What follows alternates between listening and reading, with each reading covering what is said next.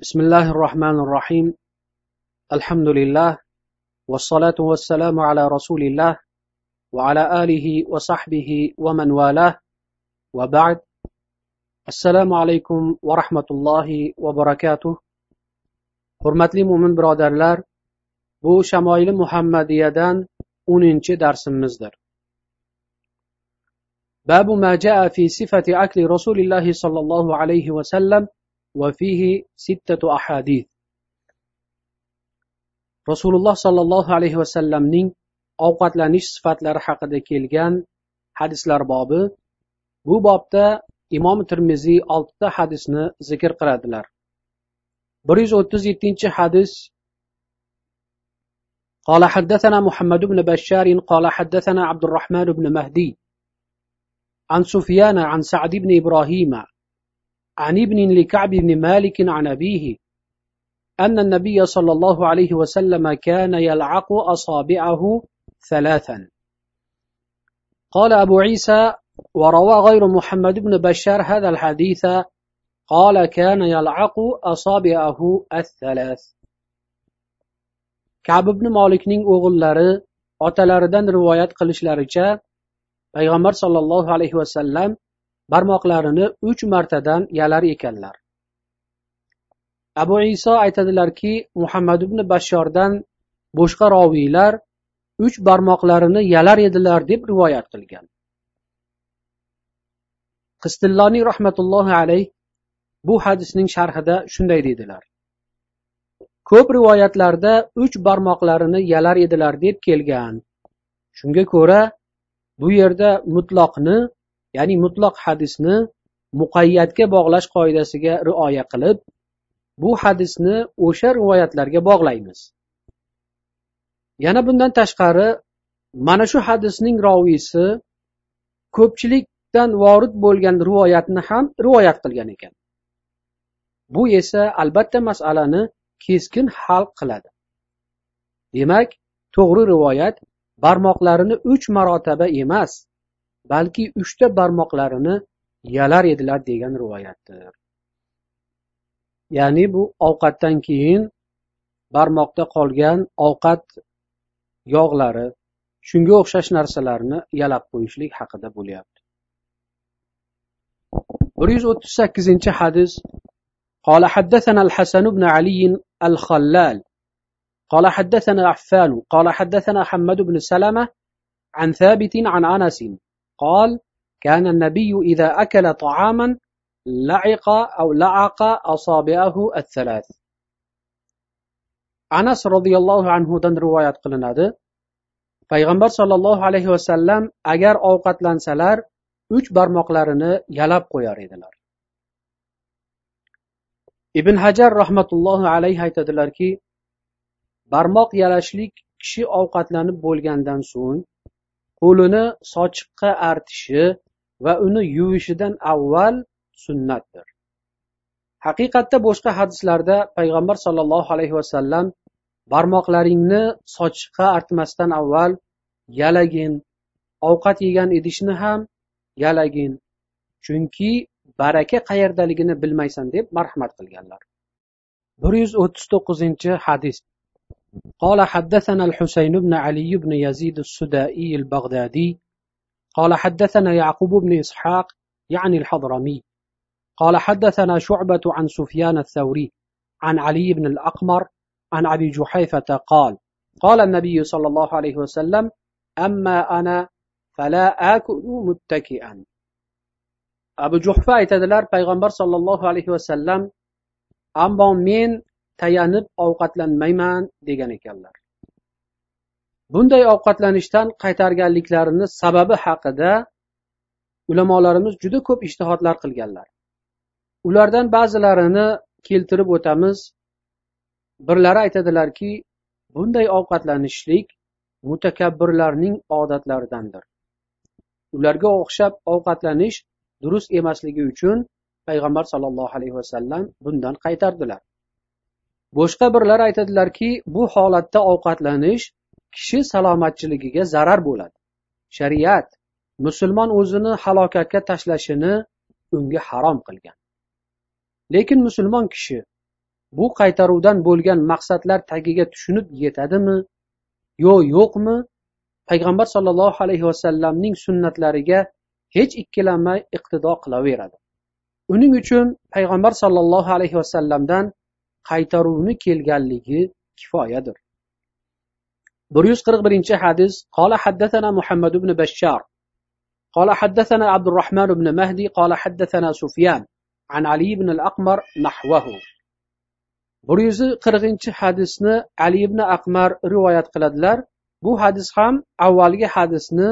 o'zginasi ekan shuning uchun bir yuz qirq birinchi hadisga o'tamiz قال حدثنا هارون بن إسحاق الهمذاني قال حدثنا عبدة بن سليمان عن هشام بن عروة عن ابن لكعب بن مالك عن أبيه قال كان رسول الله صلى الله عليه وسلم يأكل بأصابعه الثلاث ويلعقهن. kab ibn molikning o'g'illari dadalaridan rivoyat qiladilar dadalari aytadilarki rasululloh sollallohu alayhi vasallam uch barmoqlari bilan ovqatlanib so'ng uch barmoqlarini yalab qo'yar edilar albatta bu barmoqlarni yalashlikdagi hikmatlardan biri boshqa hadislarda bayon qilinishicha ovqatning barakasidan mahrum bo'lmaslikdir bir yuz qirq ikkinchi hadis قال حدثنا أحمد بن منيع قال حدثنا الفضل بن دكين قال حدثنا مصعب بن سليم قال سمعت أنس بن مالك يقول أتي رسول الله صلى الله عليه وسلم بتمر فرأيته يأكل وهو مقع من الجوع anas ibn molik roziyallohu anhudan rivoyat qilinadi aytadilar payg'ambar sollallohu alayhi vasallamga xurmo keltirildi men u kishini ochlik sabab holdan toyib o'ltirib yeyotganlarini ko'rdim باب ما جاء في صفة خبز رسول الله صلى الله عليه وسلم وفيه ثمانية أحاديث payg'ambar sollallohu alayhi vasallamning nonlarini sifati haqida kelgan hadislar bobi bu bobda sakkizta hadis rivoyat qilinadi bir yuz qirq uchinchi hadis قال حدثنا محمد بن المثنى ومحمد بن بشار قال حدثنا محمد بن جعفر قال حدثنا شعبة عن أبي إسحاق قال سمعت عبد الرحمن بن يزيد يحدث عن الأسود بن يزيد عن عائشة رضي الله تعالى عنها قالت ما شبع آل محمد من خبز الشعير يومين متتابعين حتى قبض رسول الله صلى الله عليه وسلم. oysha roziyallohu anhodan rivoyat qilinadi aytadilar muhammad sollallohu alayhi vasallamning oilasi arpa nonidan ketma ket ikki kun to'ygan emas to payg'ambar sollallohu alayhi vasallam qazo qilgunlargacha bir yuz qirq to'rtinchi hadis قال حدثنا عباس بن محمد الدوري قال حدثنا يحيى بن أبي بكير قال حدثنا حريز بن عثمان عن سليم بن عامر قال سمعت أبا أمامة الباهلي يقول ما كان يفضل عن أهل بيت رسول الله صلى الله عليه وسلم خبز الشعير أبو أمامة الباهلي aytadilarki rasululloh sollallohu alayhi vasallamning uylaridan arpa noni ortib qolmagan qistilloniy bu hadisning sharhida aytadilar ibn saaddan boshqa bir rivoyatda kelishicha oysha onamiz aytgan ekanlar payg'ambar sollallohu alayhi vasallamning dasturxonlaridan bir birida non ortib qolgan emas edi ya'ni nonning o'zi asli bo'lmagan yoki nihoyat darajada kam bo'lgan edi bir yuz qirq birinchi hadis قال حدثنا عبد الله بن معاوية الجمحي قال حدثنا ثابت بن زيد عن هلال بن خباب عن إكرمة عن ابن عباس رضي الله عنه قال كان رسول الله صلى الله عليه وسلم يبيت الليالي المتتابعة طاويا هو وأهله لا يجدون عشاء وكان أكثر خبزهم خبز الشعير ابن عباس رضي الله عنه دن روايات قلنادي u zot aytadilar payg'ambar sollallohu alayhi vasallam uzun uzun kechalarni och o'tkazar edilar u zot va ahli xonadonlari ham tushlik uchun ovqat topa olmas edilar ko'pincha iste'mol qiladigan nonlari arpa nonidan edi bir yuz qirq to'rtinchi hadis قال حدثنا عبد الله بن عبد الرحمن قال حدثنا عبيد الله بن عبد المجيد الحنفي قال حدثنا عبد الرحمن وهو ابن عبد الله بن دينار قال حدثنا أبو حازم عن سهل بن سعد أنه قيل له أكل رسول الله صلى الله عليه وسلم النقية يعني الحوار فقال سهل ما رأى رسول الله صلى الله عليه وسلم النقية حتى لقي الله تعالى؟ فقيل له هل كانت لكم مناخل على عهد رسول الله صلى الله عليه وسلم؟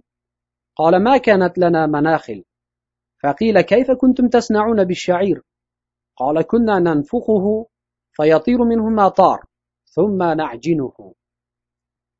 Sahl ibn saddan rivoyat qilinadi u kishiga payg'ambar sollallohu alayhi vasallam toza oq non yeganmilar deyildi u zot aytdilarki rasululloh sollallohu alayhi vasallam toza un nonini ko'rmaganlar yana u zotga aytildiki payg'ambar sollallohu alayhi vasallamning davrlarida sizlarni elaklaringiz bo'larmidi u zot bizlarda elak bo'lmagan dedilar bo'lmasa arpani qanday tanovul qilardinglar deyildi puflardik uchganicha uchib ketardi so'ng uni xamir qilardik dedilar bir yuz qirq yettinchi hadis قال حدثنا محمد بن بشار قال حدثنا معاذ بن هشام قال حدثني أبي عن يونس عن قتادة عن أنس بن مالك قال ما أكل نبي الله على خوان ولا في سكرجة ولا خبز له مرقق قال فقلت لقتادة فعلى ما كانوا يأكلون قال على هذه السفر قال محمد بن بشار يونس هذا الذي روى عن قتادة هو يونس الإسكاف أنس بن مالكتان u zot aytadilar